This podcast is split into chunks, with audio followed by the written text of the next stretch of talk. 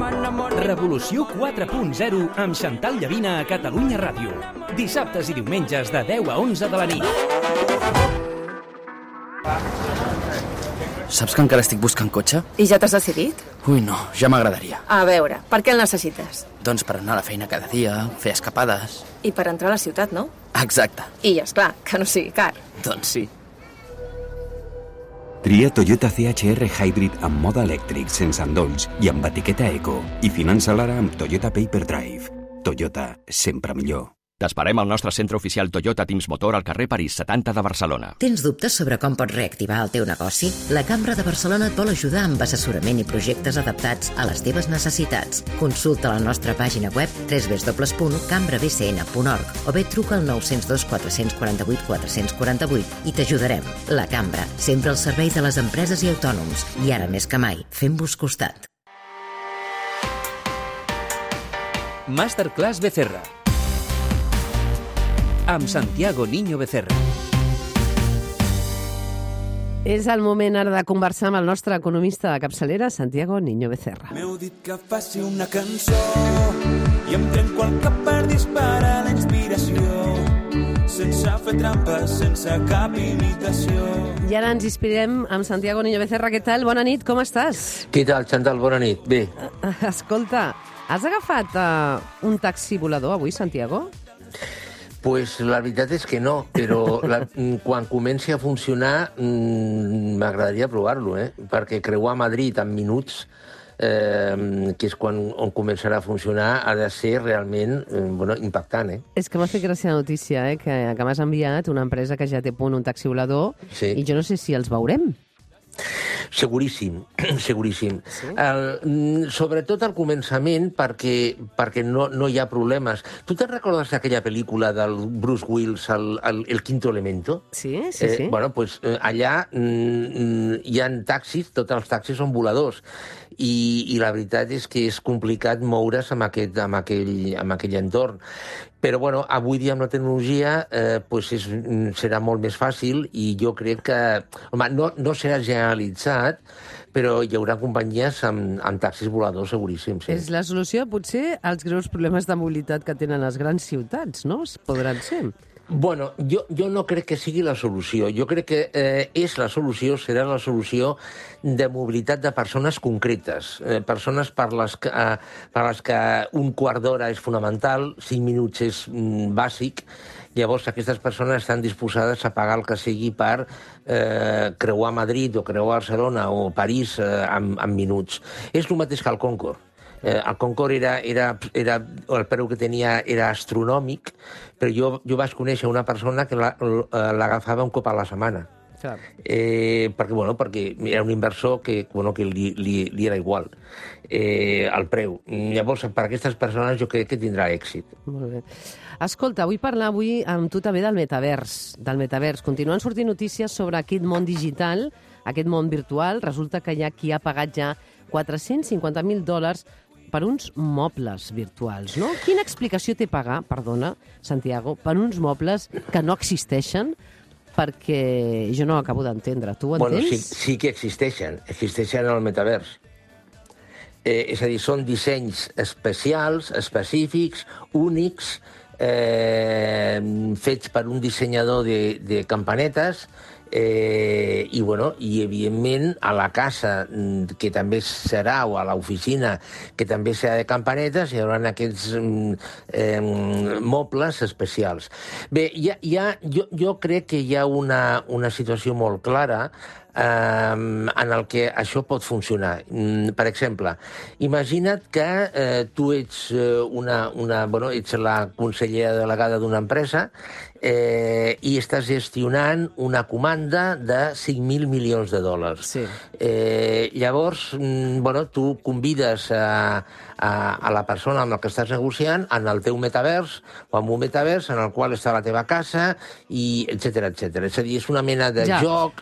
Però, i de... pregunto, de... clar, però I, pregunto, té sentit o és des d'un punt de vista d'inversió, d'especulació? Si algú et demanés consell, li recomanaries invertir allà, allà Bueno, en el és que metavers? tot depèn, tot depèn del, que, del, que vulgui, del que pugui treure o del que vulgui treure a canvi. És a dir, en l'exemple que jo t'he posat, eh, està clar que mm, surt a compte. Eh, eh, ara, mm, només per tenir-ho... Mm, home, si la persona està mega forrada, eh, i vol, eh, bueno, vol, vol, vol quedar com el, el més guapo del, del, del barri o, del, o de la ciutat, pues, pues també. Ara, si no, ja em diràs. És a dir, és que, és que té poc sentit. És llançar diners, no? Podríem dir. Seria, per alguns, llançar diners, eh? Ara, sí, sí, però, però mm, mm, jo estic d'acord amb tu, eh? també hi ha un component especulatiu, perquè uh -huh. aquests mobles eh, s- ara són 450.000 dòlars, però mm, potser d'aquí dos mesos seran 550.000, amb la qual hi ha una, un, un efecte inversió.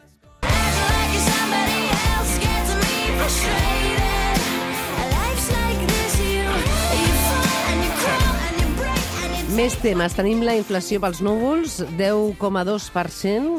Què està passant? Perquè ho notem, no? També com la pujada de preus que, que estem vivint. Bueno, això, això Chantal, és, és, és tremendo. Jo, jo, a més, penso que fins a la tardor no començarem a veure una, una certa davallada de preus. Aquí hi ha, hi ha mm, tres temes que afecten aquesta, aquesta inflació. Per una banda, l'energia, el preu de l'energia està disparat, eh, i els preus del, del combustible, del petroli i dels derivats també. Derivats vu- vull dir mm, benzina, gasoil, eh, lubricants, eh, olis, etc etc. eh, tot el que és derivat del petroli. I, i per altra banda, l'impacte que té eh, en els costos de producció eh, que afecta el que és la inflació subjacent, no? és a dir, el, el, eh, la inflació traient els aliments eh, frescos i l'energia.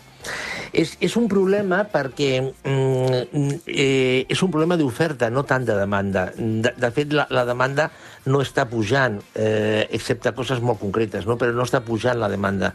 El problema és que, com arrosseguem l'impacte de la pandèmia eh, que encara no s'ha normalitzat la producció a Àsia, eh, a l'est i al sud-est d'Àsia, eh, i per altra banda els fletes eh, marítims, el preu està, està disparat, eh, això està creant un, un efecte pervers sobre el, eh, eh, el, la inflació. De, de fet, mm, fa res acabo de llegir un, un article eh, que als Estats Units s'estan plantejant eh, i que incrementar l'atur per reduir la, la inflació. déu Com nhi funciona- incrementar l'atur per Sí. reduir la inflació. Sí, eh, com funcionaria això? Això, això eh, funcionaria de la següent manera, és a dir, s'incrementa l'atur, llavors la capacitat de consum baixa i els salaris baixen, amb la qual baixa més encara la capacitat de consum i el, eh, i el, el, eh, el nivell de preus baixarà.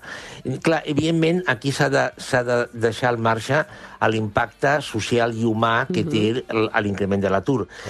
Però bueno, la, la fórmula mm, pot funcionar. Uh -huh. Des d'un punt de vista de reduir la inflació pot funcionar. Bé, veurem què passa aquí. Volia parlar també de la renda. Uh, S'ha acabat fa pocs dies la campanya de la renda 2021 i explica'm una dada, Santiago. La gent amb menys ingressos té una pressió fiscal molt semblant a la gent amb una renda més alta, no? Sí, a, això, això té a veure amb la composició del mix d'impostos.